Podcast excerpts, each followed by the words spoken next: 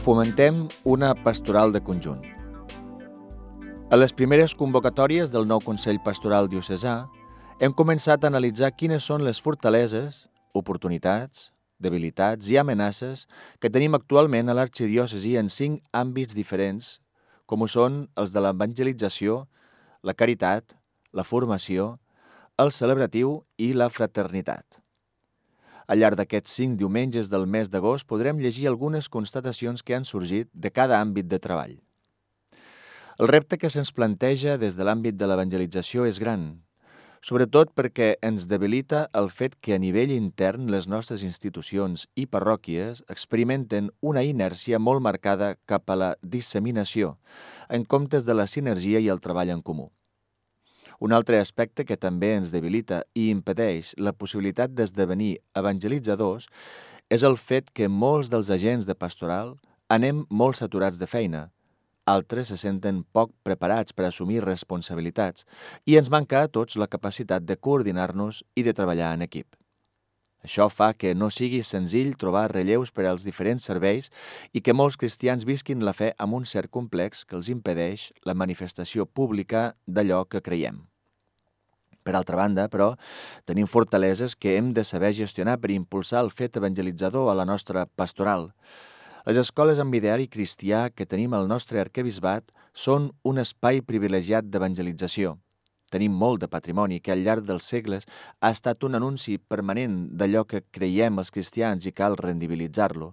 I tenim, també, mitjans i recursos informàtics que han estat capaços d'adaptar el missatge evangelitzador i fer-lo accessible també a l'entorn digital.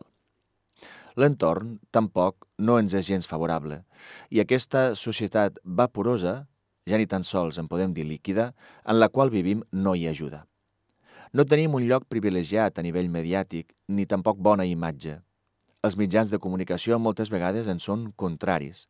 Hi ha campanyes de descrèdit orquestrades pels grans grups i detectem una forta oposició a nivell ideològic que debilita la vigència de la nostra proposta, que a més, molt sovint, queda ofegada entre una gran multiplicitat d'oferta més immediata i menys compromesa. Malgrat això, també hem de dir que la figura del papa Francesc ha facilitat el camí a l'hora de fer arribar el missatge cristià a la societat.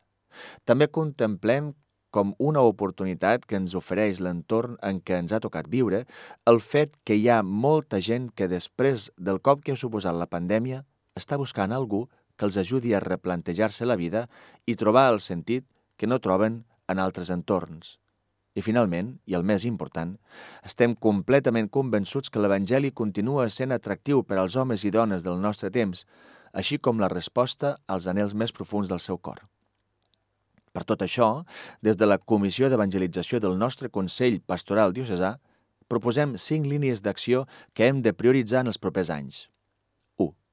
Fomentar accions que sensibilitzin i motivin els laics per tal que se sentin protagonistes de l'acció evangelitzadora, formant-los en l'àmbit de la pastoral. 2. Buscar vies de coordinació i treball en equip. Fomentar una pastoral de conjunt entre totes les institucions que tenim, escoles, professors de religió, parròquies, comunitats religioses, moviments. 3. Apropar-nos a les famílies a través dels infants i els joves per fer accions evangelitzadores. 4. Fomentar el diàleg, fe i cultura aprofitant el patrimoni cultural que tenim a l'Església. I 5.